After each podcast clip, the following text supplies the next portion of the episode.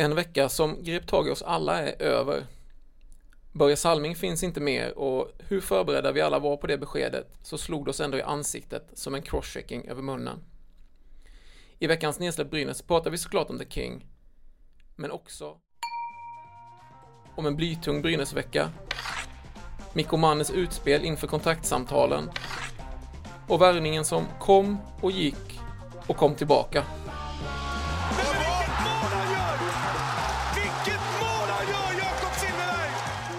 Har varit lite tur turbulens före mig så jag hade ingen, ingen stress att det kan inte gå så mycket sämre. Hur skjuter karln? Hur skjuter han? Kom igen då! Ta de här jävlarna rätt upp och ner bara. Ja, hej och välkomna till eh, GD och Arbetarbladets hockeypodd Nedsläpp Brynäs. Erik Karlsson vid den här mikrofonen och vid den andra står som vanligt eh, Daniel Sasse Sandström. Ja, tjenare, tjenare och hej på er alla lyssnare. Ja, vi eh, får väl nästan börja där, där liksom alla hockeytankar har gått den här veckan. Det mesta är såklart sagt och skrivet och konstaterat kring Börje Salming. Men du var ändå i eh, Leksand i torsdags eh, redo att börja live-rapportera ett Gävle-Dala-derby när eh, pushnotisen om Börjes död kom. Ja, det var... Eh, det var ju naturligtvis inte chock, chockerande på något sätt så. Men eh, det var ju ändå väldigt oväntat när man är inställd på att eh, göra någonting helt annat än det som man blev satt att göra då. Och, eh, så det var ju en märklig upplevelse att sitta och se en, en, en het hockeymatch samtidigt som man märkte hur, hur, folk på läktarna började förstå vad som hade hänt. Folk började se sina telefoner och plötsligt så sätter Brynäsklacken, eh, som var ganska eh, många uppe i Leksand, eh, månghövdad. Så det var, det var kul att se att många brynäsare var där. Och de satte igång och bör, började ropa Börjes namn.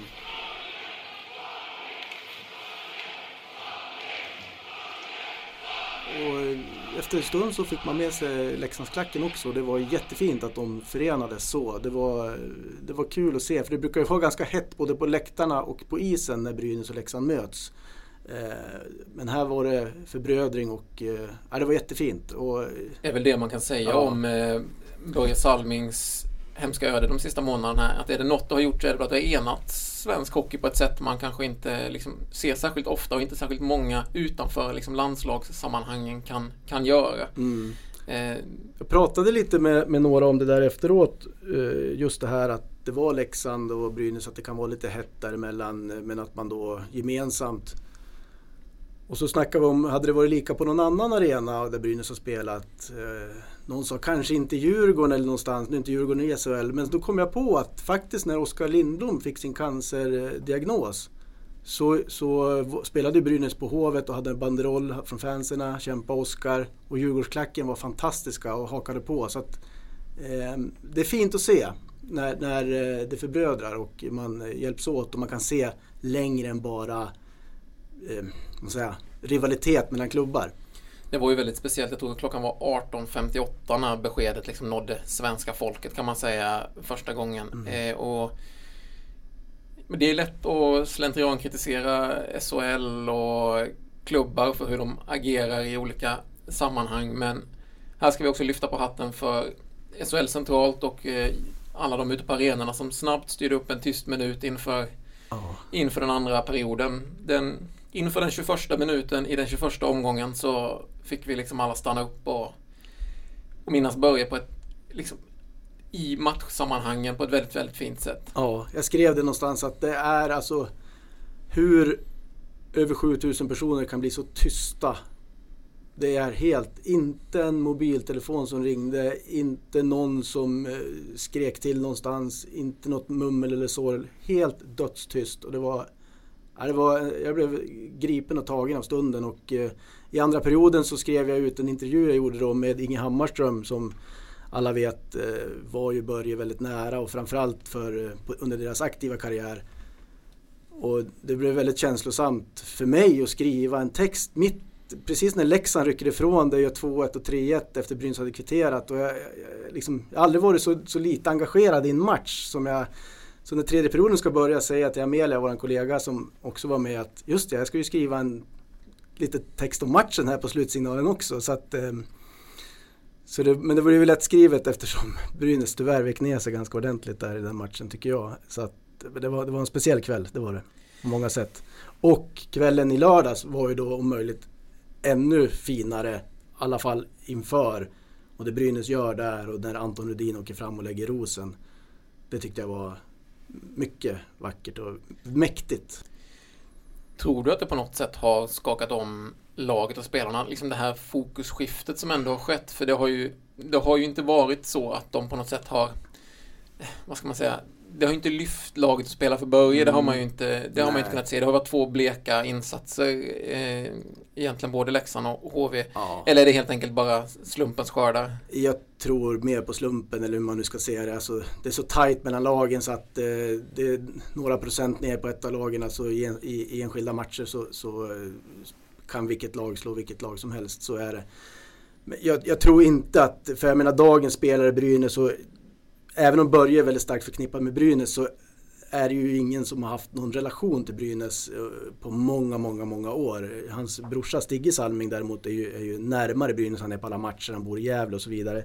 Men ehm, eh, nej, det ska inte ha någon betydelse, jag kan inte tänka mig det. Eh, vi har ju varit med i hyfsad närtid ändå när, när eh, Wille Löfqvist dog. Där tror jag det borde, nu kommer jag inte ihåg hur det gick i de matcherna direkt efteråt men det var ju en, en eh, också en, om det nu kan vara, det var en, en, en jättefin stund också när, inför det nedsläppet när man också med en ros då la i ena målburen då i Willes kasse. Och när man hade tagit dit alla hans gamla klubbkamrater, alla som hängde i taket som är i livet. Det, det var, det var kanske ännu finare och det var ju eh, är det, fem, sex år sedan Wille gick bort. Så det har ju, man har varit med och Bryn, Bryns är duktiga på, på att göra de här, um, de här ceremonierna, tycker jag, har blivit väldigt bra. Så att, äh, fina stunder, kännbart. Jag känner själv när jag pratar om nu att det, man, man kommer tillbaka till för några dagar sedan hur det var. Vi ska lämna eh, Börje Salming här och titta lite på det. Så vi pratar om en svag sportslig vecka eh, och, och sen framåt i podden också såklart gå vidare på, på det, som, det som komma skall och det som händer i laget här. Hej, Synoptik här. Hos oss får du hjälp med att ta hand om din ögonhälsa. Med vår synundersökning kan vi upptäcka både synförändringar och tecken på vanliga ögonsjukdomar. Boka tid på synoptik.se. Till att börja med då, noll poäng. Eh, är det här så att säga en effekt av att inte ha en Johan Larsson i, i laget? Eh, och, eller vad är det vi ska dra för slutsatser ja, förra veckan? Lite grann kanske. Över tid så, så som jag var inne på enstaka matcher så, så, um, så klarar man sig förstås utan enskilda spelare men över tid så, så är det ju inte bra att Johan Larsson är borta så här. Jag har sett liksom diskussioner i diverse forum och sociala medier att folk verkar ha haft någon sådana enorma förväntningar på Johan Larsson. Jag tycker att han har varit bra och jag tycker man märker att det fattas en dimension i spelet. Framförallt det defensiva spelet när inte Johan Larsson är spelare i Brynäs. Sen kan ju Brynäs mycket väl vinna eh, ikväll då när ni lyssnar på det här tisdag mot Oskarshamn även utan honom. Men, men över tid så, så kommer det här bli kännbart såklart. Ja, vi är ju där i att skador oroar i, i laget just nu. Mm. Eh, I veckan så var det ingen, ingen Kinnvall eh, som spelade någon av matcherna. I, mot HV så klev eh, nyvärvade då Tommy Karonen av. Eh, men båda var på is när du var uppe på rinken idag. Ja. Eh, idag måndag ska vi säga. Det var däremot inte Anton Rudin. Så kan vi börja med en liten lägesuppdatering där inför kvällens match? Då? Lägesuppdateringen inför eh, tisdagens matcher och den här viktiga veckan som är då med eh, Oskarshamn tisdag, Linköping borta torsdag, Frölunda hemma lördag. Så är det ju så att Rudin fick ju en smäll eh, ganska tidigt i matchen mot HV lördags. Spelade vidare hela matchen med facit i hand kanske han inte skulle ha gjort det. Eh, nu vet vi inte vad det är för skador det rör sig om riktigt men det var väl den där tacklingen han fick av Niklas Torp och det var väl i första perioden om jag inte minns helt fel nu. Den kom tidigt i alla fall. Och eh, vad jag förstår så är det lite oroande. Eh, jag tror inte riktigt man räknar med Anton på tisdagen. Vi får se lite vad det är för någonting. Kinnvall var med som du säger och och eh, mm, eh, lite krampaktigt i ordets rätta bemärkelse faktiskt för att det är någon form av muskelkramp han får eh, vad jag har förstått. Och eh, han såg, eh, när de spelar och kör mycket spel fem mot fem och så, så kommer han till båset och sätter sig. Han grinar lite illa till och från. Och, ja, såg lite stappligt ut, det tycker jag. Men det är klart att i ett powerplay så är han ju, tillför han ju någonting och, och sätter de upp honom så, så, så, ska han nog kunna damma in någon puck om det är så. Han stod och nötte skott, direktskott efter träningen. Ehm, drog några rejält på sidan från början men sen prickade han krysset ett antal gånger. Då, då, kunde, jag, då kunde jag lämna hallen med eh, ändå en känsla att eh, Kinnvall spelar nog och han försökte träna in sig där, skjuta in sig. Karonen var inte heller med, eh, i, i, eller klev av i lördag ska jag säga. Nu var han på is och eh, såg inte ut att ha något problem alls utan verkade gå helt för fullt. Eh, så att eh, ja, det blir lite ändringar om inte Rudin kan spela då. Då, då går ju William Strömgren upp på, på, hans plats då. Och sen hade man en kille som hette Anton Olsson som eh, en J20-kille som spås en lysande framtid men har liksom inte riktigt fått chansen i, i SHL så här långt då. Är väl center egentligen men han går in i fjärde då istället för Strömgren i sådana fall. Det är ju, ja man kan ju få ont i magen av sån här, den här Anton Rudin-tacklingen som just att det, det är en så pass tung, tung smäll. Om den kommer därifrån så börjar man ju mm. redan, man börjar ju tänka i banor av, eh, av huvudskador och den mm. typen av grejer. Nu är det så att nu har vi ju inte sett någon kommunikation från från klubben eh, vad det ska röra sig om och det kanske ni har när podden har kommit ut så vi ska väl inte spekulera för mycket men eh, på samma sätt som man blir oroad när de väntade med att kommunicera vad det gällde kring, eh, kring Johan Larsson så nu eh, ljuder sirenerna igen här att det är förmodligen inte några positiva besked som kommer om man väntar. Eh, det är det sällan i alla fall. Mm. Och eh, det är klart att det vore ju ett riktigt dråpslag att kombinera både Johan Larsson och Anton Rudin ja, samtidigt här. Framförallt som Rudin ganska nyligen har varit skadad och får tappa honom igen här då. Det, det, um, äh, det är inte så bra. Vi, men det kom in folk istället. det gör ju det. Jag tänkte, det, det, det, det svänger. Det, vi liksom fick öva oss lite i morse här på att läsa på om Mikko Niemele. Han presenterades först vid, vid halv nio i ungefär fem sekunder. Eh, men eh, den, den eh, första vändan försvann och så kom han tillbaka en och en halv timme senare här. Och nu ska han vara definitivt klar för, för Brynäs på lån då från Kärpet. Eh, den här 32-årige högerfattade backen. Han var inte på is idag. Nej, han var i gymmet eh, och eh, vi fick aldrig möjlighet att träffa honom heller för att han, han skulle träna på gymmet. Det var så här att hans eh, trunk med alla hans hockey eller alla hans utrustning hade försvunnit på flyget naturligtvis. Som det är typiskt att sånt händer. Hade mått bra av att få en träning i kroppen med laget. Får han väl träna imorgon på förmiddagen, eller idag då när ni lyssnar på det här, på matchvärmningen istället. Eh, för in i laget, det ska han eh, om alla försäkringspapper och sånt där har gått igenom till tisdag kväll 19.00. Eh, så då ska han gå in och han kommer att spela med Simon Bertilsson.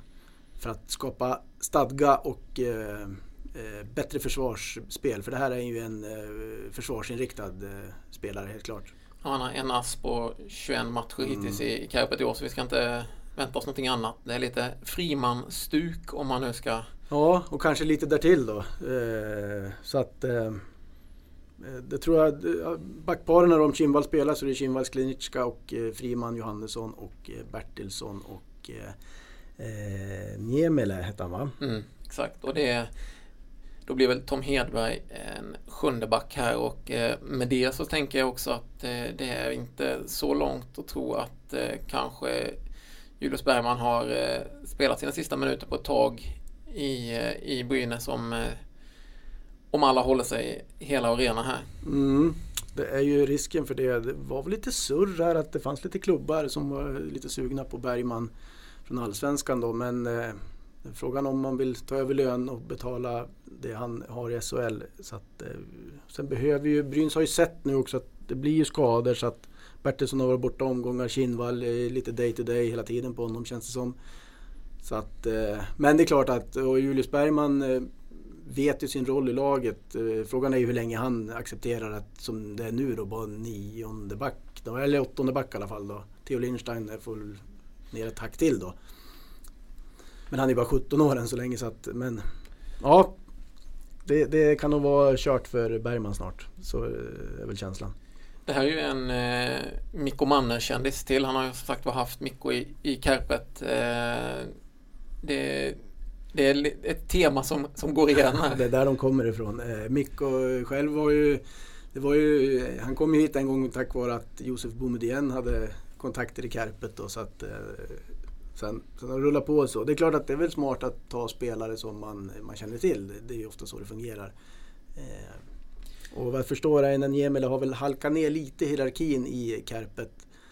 Eh, Mikko Manner säger det själv också i en text vi har ute om det. Att han är väl, har väl fem backar före sig då. Så att han känner väl att han kanske vill eh, ja, men ta chansen i Sverige. Han har varit Kärpet i stort sett hela sin karriär. Han är väl född 1990 var den här killen. Så att, eh, och som sagt var inte spelat utanför Finland. Eh, men däremot på en liksom, hög nivå där under lång tid så är det klart att eh, dyker det upp en chans här och då är man kanske hellre femte, sjätte back i eh, Brynäs på lån mm. än, eh, än i Kärpet då. Som man kan utan innan. Precis. Vi ska släppa Mikko Niemele lite här men på samma sätt stanna kvar lite i den här eh, värvningen. Hej, Ulf Kristersson här. På många sätt är det en mörk tid vi lever i. Men nu tar vi ett stort steg för att göra Sverige till en tryggare och säkrare plats. Sverige är nu medlem i Nato. En för alla, alla för en. Har du också valt att bli egen? Då är det viktigt att skaffa en bra företagsförsäkring. Hos oss är alla småföretag stora och inga frågor för små. Swedeas företagsförsäkring är anpassad för mindre företag och täcker även sånt som din hemförsäkring inte täcker. Gå in på swedea.se företag och jämför själv.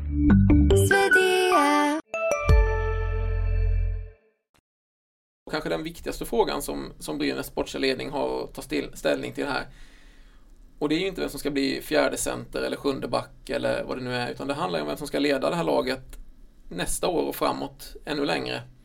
Mikko Mannens kontrakt går ut och eh, om det pratade du med honom förra veckan en intervju där han hade en, ja, en hel del att säga. Du Mikko, eh, jag måste fråga eh, din egen framtid. Ja. Hur ser det ut ja, vi får se. Det ser, uh, jag är jättenöjd här. Mm.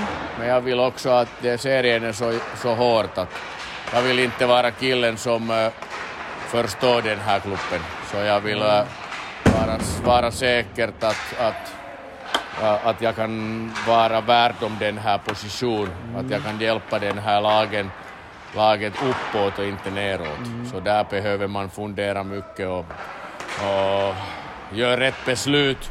Ja, alltså du hann knappt ställa frågan innan eh, eh, Mikko direkt, direkt eh, hade, hade något att säga här. Det kändes som någonting han hade gått och laddat för lite.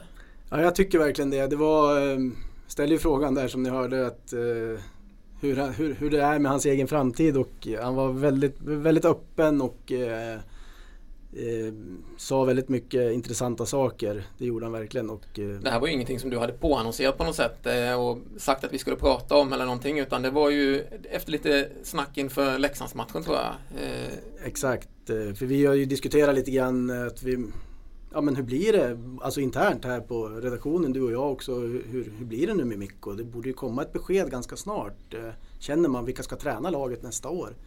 Och eh, han var ju väldigt tydlig med att han gärna gör det, men han vill ha eh, lite garantier och han vill se lite utveckling i, i laget. Eh, eh och sådär. Och vi kan väl lyssna lite mer på vad han säger i, i intervjun.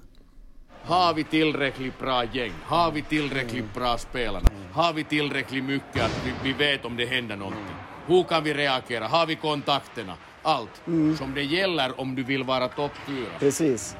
Eh, och inte Men, bara att du har lite tur så du där, vinner och du är den nummer tio och ja. sen du förlorar sju mm. matcher. Men, men har du, känner du att du vill ha vad ska man säga, garantierna från klubben att man... Jag vill se utveckling ja, hela tiden. Ja, de, de kräv, jag kräver hårt för mig, du vet det. Mm, mm. Jag inte skyller någon en annan gång när vi förlorar. Men jag måste vara fär, jag måste veta att, att det händer sakerna mm. Också. Mm. Att beslut, om vi, tar, om vi bestämmer någonting, vi gör besluten mm. snabbt och inte bara att det tar halv, halva år och Nej. händer ingenting. Mm. Att vi måste göra det här, mm. det hockey går så snabbt, mm. det väntar inte, mm. spelet väntar inte. Ja, men det är ord och inga visor i det här snacket. Man behöver inte, han behöver inte säga vartåt eh, så att säga, kritiken riktas. Det är ganska tydligt att han, han riktar en del kritik mot både Håkan Svedman och eh, Johan Alsen i det liksom mm. tempot på beslutsfattande helt enkelt, tänker jag, som är det som sticker ut här. Ja, och till syvende och sist kanske även styrelsen eh, som någonstans också, eller de tar ju, de godkänner ju att det ska, när det ska värvas så att säga. Va? Och därför blir man ju lite så här i det här läget så känner man att det kanske är egentligen en forward som ska ersätta Johan Larsson om inte han kan vara med förrän eh, till jul nu då. Istället kommer in en back, ja det kanske var det man fick då, men det kanske kommer någon mer, vi får se. För det var ju lite kul att, eh, om ni har hunnit läsa den här texten vi har ute med, med, med Mikko, där han säger att han tackar Alsen för snabbt jobb. Så att, eh, ja, jag vet inte om eh, det gav eh, snabb effekt, eh, Mikkos kritik här i, i, i, i, tidningen. Antingen var det en passning ditåt, eller så var det väl helt enkelt så att eh, Mikko fick höra att, eh, att så här sköter vi inte den interna dialogen. Eh, vilket inte skulle förvåna mig, men jag är lite tveksam till om han, eh, han bryr sig i det här läget. Eh, ja. Det känns som att han, eh, han har ganska gott stöd för, för sin agenda här om man ser klubben utifrån så att säga. Visst är det så. Visst är det så. Jag tycker att det är befriande och det är härligt att Brynäs har en tränare som ja, men som kan gå ut i media och berätta för fansen hur det ligger till och liksom säga lite mer än ja, vi ska åka skridskor snabbare och forechecka hårdare. Utan men ge lite bakgrund till saker och ting och eh, förklara och berätta. Det, det är så du, du skapar liksom eh, relationer till, till, fansen och fansen måste de ha för det är ju för fansen Brynäs spelar. Såklart för sig själva och för stoltheten och föreningen men kommer ingen publik, ja, då är det ju ingen, är det inga som bryr sig. Då, då, spelar det ingen roll vad de gör. Och Mikko vet väl också som sagt var att eh, värvningsläget kanske i SHL är svårare än någonsin men han behöver samtidigt också han stod där i månadsskiftet augusti-september och sa att det snart kommer en forward till. Mm. Och eh, det är klart att gör man det i tron att det ska göra det så ser man ganska dum ut om det inte har hänt någonting på, på tre månader också. Eh, såklart, såklart. Och det går ju ganska långsamt med den där forwarden men eh, samtidigt så vet jag inte heller hur mycket det finns att, att välja av. Vi såg att Luleå valde Tommy Sallinen. Mm. Eh, det hade väl kanske varit en sån här en enkel väg att gå kanske. Betala ganska mycket pengar för att få hem honom. Men inte säkert att det hade varit väl spenderade pengar. Nej, alltså å ena handen så hade du fått hit en kille som du vet precis vad du får av och han känner staden, klubben och eh, de flesta eh, spelarna. Men å andra sidan så erbjöd man ju honom inte ett nytt kontrakt av en anledning. För att man ville förändra laget och eh, man tyckte inte att han bidrog tillräckligt mycket för att Eh, förlänga med honom. Nu hamnade han i Luleå då, så att, eh, jag hade lite kontakt med Tommy här på förmiddagen och frågade om det skulle bli Brynäs då, innan det var klart med Luleå. Men då svarade han efter en stund på sms att eh, “Sorry, not, Bryn, eh, not Brynäs this time” skrev han. Så att, ehm, nej, för så, jag tror inte det blir någon gång heller nu då, för han är ju också börjar komma upp lite åren. Men vad vet man? Men man kan ju också, utifrån kan man ju känna att det finns en frustration hos Mikko just på beslutsprocesserna och tiden det tar. För det är ju kanske ingen slump att dagens lån kommer från Kärpet, en spelare som Mikko känner till. Eh, det är på något sätt ett sätt att snabba upp processen. Eh, kan, kan det inte skakas fram någonting annat, då, då, då vet man i alla fall vad man får. Eh, och eh, det, det är som sagt var att det är snabbt jobbat av Alsen, men jag tror, jag tror nog att Mikko har dragit i en del trådar själv här också kanske. Det har han säkert gjort och, och eh, ja, de jobbar väl tillsammans. Så att, eh, eh, och det är, det är ju bra. Det, det, ska inte vara några barriärer mellan tränare och sportchef utan det är klart att man får ha en dialog däremellan. Men, men naturligtvis så, så sitter ju Mikko med, med gott om kontakter i Finland och eh, i synnerhet i Kärpet då, där han har varit tränare i, i väldigt många år. Och det är ju spelare han känner till eh, väldigt väl. Så att, eh, därför gick det väl rätt snabbt och det blev ett lån då säsongen ut. Eh, ja, vi får se vad den här... Äh, ja, men vad, vad tror du? Vad, hur eh, tror du att den här historien kommer att, eh, kommer att sluta? Eh, tror du att Brynäs kan visa upp den handlingskraft som så att säga Mikko i alla fall då begär?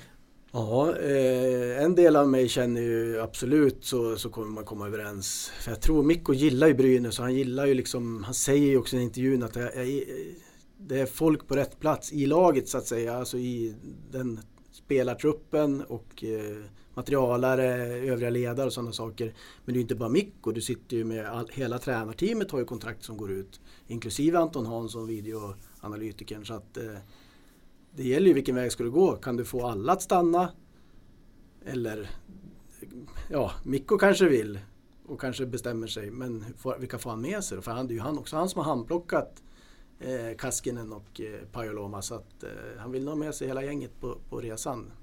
Man har ju i klubben verkligen så att säga hoppat på Mikko-tåget fullt ut. Han har ju fått vara med och bygga eh, hela teamet runt omkring och eh, även då till stora delar eh, ganska högt in, stort inflytande över, över lagbygget såklart. Eh, och ytterst ansvarig för hela, hela det här är ju Håkan Svedman, klubbchef. Han eh, sprang du på uppe på rinken idag. Eh, han, är, mm. han är ju i Sverige, det är ju inte Johan Alsen som man kanske också vill prata med om det här. Han befinner sig i eh, Los Angeles på en flådig sportchefsträff med alla SHL sportcheferna. Ja, det är inte dåligt att de drar dit på sportchef. Det brukar vara i, på något eh, konferenslokal i Stockholm någonstans brukar de ha, SHL sportchefsträffar men nu, nu drog de till Los Angeles.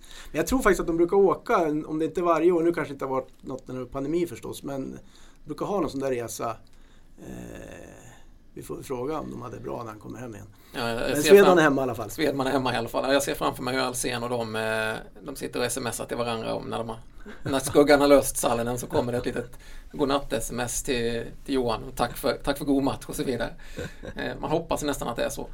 Men som sagt var, Håkan Svedman eh, pratar lite om den här Mikko-situationen med dig idag. Vi lyssnar. Vi är, vi är jätteglada över Mikko. Vi, vi hoppas och tror på en framtid tillsammans. Så, vi, så det, det, är min spontana kommentar kring det. Att han är uppskattad tränare, kompetent. Vi har en bra tränarstab, en bra ledarstab. Det vill vi ha nästa säsong också. Mm. Och det här han säger då att eh, han vill se fortsatt satsning, utveckling för att också stanna kvar. Vad tänker du runt det? Ja, det vill vi också. Vi har, vi har absolut inga olika syn på det här. Pratar både Mikko och jag, Johan och Mikko, vi, vi sitter som grupp och diskuterar framtiden tillsammans. Och vi har precis samma ambitionsnivåer så att inget konstigt i det eh, för mig. Utan det, det, det är en gemensam vilja vi har att utveckla föreningen. Tycker att den är bra? Tycker du det är bra att han går ut i tidningen och säger de här sakerna? Ja, det viktiga är att, han säger vad han, att vi säger och tycker tänker till varandra och det gör vi. Så att vi har en bra dialog med Mikko. Så att det, det, det, det avser vi fortsätta ha framåt också. Superbra. Ja, men han säger i alla fall rakt ut en sak och det är att man vill behålla eh, Mikko Manne. Och det är ju så att säga punkt 1A i den här, eh, den här historien. Brynäs vill ju det, frågan hur långt de kan gå för att mm. övertyga Mikko om att det är, eh, är rätt helt enkelt. Ja, men Mikko går ju ut också när han går ut så här som han gör i, i, i GD och Arbetarbladet här att han sätter ju också lite press på, på klubbledningen att eh, det är lite taktik också från hans sida. Eh, lite förhandlingsläge och säger han också att det är ingen lön eller något sånt där och det är inte något personligt mot någon utan jag vill se att Brynäs satsar lite grann nu och eh, man har ju faktiskt en, en, en uttalad målsättning om att vara liksom leda eh, utvecklingen av svensk hockey och eh, då får man ju bara visa det också, så är det ju. Det är ju inte bara ett ord på ett papper utan det vill man ju försöka göra någonting av. Så är det och det vet Mikko. Eh, som sagt var, det är nästan som man önskar att man var Mikko Mannes agent annars i detta läget. Han sitter, han sitter i en bra sits, så kan vi säga. Det gör han absolut. Eh, och, eh, men samtidigt så behöver han ju material att jobba med. Han behöver ju spelare och det är det, han, eh, det, är det också han kräver. Att ja, få ett, ett ännu bättre lag som kan. De jobbar ju liksom, har ju topp fyra som någon slags vision. Och då krävs det ju eh, lite annat än det man kanske har just nu. Även om man inför den här säsongen värvade på bra. Man gjorde sig av med väldigt mycket spelare och det man har tagit in har ju varit bra. Men det har ju några succéer som Sklenicka, Björnen har väl ändå varit okej. Okay. Lindbäck kanske inte har varit så bra som man har hoppats men det finns ju någonting där med flera. Så att, men det är väl lite bredden är inte så, den är inte så bred den här truppen vilket märks nu när det varit skador. Ja, han, han säger väl det i intervjun att man kan liksom blicka mot, mot hur andra klubbar fyller på. Mm. Eh, nu vet jag inte om det var med i, i, eh, i tidningsintervjun här men han, han eh, jag vet att han nämnde bland annat att eh, liksom Frölunda kan fylla på med en, en Louis Eriksson mm. och HV kan hitta Niklas Hjalmarsson och det, det, säger ju någonting om resurserna som finns där då. Eh, vi kan väl också se, när måste man liksom ta ett beslut här då? Eh, tror du för att det ska liksom vara hållbart och eh, Han kan ju inte vänta hur länge som helst om Nej. så att allt svaret blir nej. Nej, jag frågar ju Mikko det, att, just det där. Och han säger ja, när de säger att jag måste ta ett beslut då, då får jag ju lov att ta ett beslut. Så att jag inte sätter Brynäs i någon dålig sits heller. De måste jobba vidare. De har ju säkert alternativ, liksom krokar ute överallt. Men säg eh, efter julhelgen i alla fall, en bit in i januari bör man nog eh, i alla fall internt ha ett, eh, ett besked från honom och veta vad som händer nästa år. Kanske tidigare egentligen, men jag skulle, jag skulle tänka mig att eh, runt årsskiftet i alla fall vill man nog veta. Bra, vi eh, får ju helt enkelt följa den här historien och det kommer ni göra på, på GD och Arbetarbladet utan tvivel. Hej, Susanne Axel här. När du gör som jag och listar dig på en av Krys vårdcentraler får du en fast läkarkontakt som kan din sjukdomshistoria. Du får träffa erfarna specialister, tillgång till lättakuten och så kan du chatta med vårdpersonalen. Så gör ditt viktigaste val idag, lista dig hos Kry. Kurrar i magen och du behöver få i dig något snabbt? Då har vi en Donken deal för dig. En chicken burger med McFeast-sås och krispig sallad för bara 15 spänn. Varmt välkommen till McDonalds. Vi blickar lite kort bara eh, som avslutning in mot eh, den här trematchersveckan. Som sagt var IK Oskarshamn hemma ikväll då om ni lyssnar på detta på tisdagen. Följt av Linköping borta, Frölunda hemma. Nio poäng på spel som kan vara en väldig skillnad i den här SHL-tabellen. Mm. Förra måndagen stod vi här och det var ju inte, jag ska inte säga att det var klang och jubel men nog var det positiv känsla från oss. Man hade två raka segrar i ryggen mot eh, Färjestad borta och Malmö hemma och eh, sen då har man två raka nollor då, Leksand och HV. Inte bra, inte bra alls men så Oskarshamn vill jag ju påstå är en nyckelmatch här. Ehm, för att förlora den och sen åka ner till Linköping där man brukar ha lite svårt faktiskt. Hemma kan man ju slå Linköping men bortaplan lite svårare. Och känna att man måste kanske vinna den matchen. För att inte riktigt på allvar vara i, i bottenträsket igen. Så jag skulle säga att den här matchen är en nyckelmatch. Det var ju, lyssnade lite på träningen och eh, Mikko samlade hela laget en ganska lång stund i mittcirkeln. Han brukar säga några ord men nu var det lite, lite mer, pratade mycket om enjoy the game. Eh, tänk inte så mycket på resultatet hela tiden utan försök att njuta av matchen och spelet hockey. Han ville försöka gjuta in lite, få dem lite avslappnade tror jag. För det är klart att de känner ju själva några skador, lite, lite surr runt omkring om allt möjligt som det alltid är i Brynäs. Och så två raka förluster och så vet man. Jag menar de ser ju tabellen, de ser ju att Oskarshamn hemma, hej det måste vi vinna här nu för att hänga på lite grann och skaka av oss gängen bakom igen en kortare period. Ja, men känslan är ju att vinna mot Oskarshamn, då har man på något sätt så pass mycket avstånd ner till just dem att man kan liksom man bör inte behöva bli passerad av Oskarshamn en sån här säsong Nej. då. Eh, HV har ju börjat sprattla till också och vunnit lite matcher men det är klart att de har ju gått lite på rus nu. Hjalmarsson in, man har vunnit några. De kommer säkert att vinna lite matcher framöver och kommer, men det är svårt för HV att kunna bli det här topplaget som en del trodde att nykomlingen skulle kunna bli, absolut. Så de, de kommer ju få kriga rejält. Så att, och sen har vi Malmö som... Det finns ju några lag där under som... Men eh, det gäller ju att vinna också. hur många poäng eh, summerar vi när vi står här eh, nästa måndag? Ja, men optimisten i mig säger 6 poäng av 9 då. Frölunda hemma slår de alltid en lördag vet du, så här runt jul. Det är en, klass, det det är en klassisk, det brukar vara en klassisk seger, Brynäs. Joel Lundqvist lite halvtrött och less och vi får åka till Gävle och spela. Så att, nej, den, den tar de och så vinner de mot Oskarshamn. Sen kanske de får torsk i Linköping. Joel Lundqvist-effekten. ja, det, vi får väl se då. Jag är ju eh, Tror du? betydligt, jag är du? betydligt mer pessimistisk. Eh, fyra poäng så eh, tycker jag att då, då är det ungefär vad jag förväntar mig i alla fall. Kryss mot IK eller? Ja, det blir en... Jag hade en tanke där. Hade de, de hade inte förlorat, jag får faktiskt gå in och titta här nu i tabellen. Jag tror att de inte hade förlorat någon förlängning. De vann ju enormt med förlängningar Oskarshamn. Ja precis, de har spelat sju kryss och vunnit sju. Två poängare. Så det kanske, kanske blir kryss då, så vinner Brynäs i förlängningen då. Ja, det blir väl ett trendbyte då så det blir nöjd då ja. Ja, exakt. Ja, men det kan jag tänka mig. Eh, och så, så petar de väl en pinne från Joel Lundqvist här på, på lördag då. Eh, ja, vi får se. Det, det enda vi vet är att eh, man inget vet. Och med de oerhört tama visdomsorden så, så, så, eh, så säger vi på återseende och på återhörande. Eh, Ja, det gör vi. Tack för att ni har lyssnat. Tack, tack.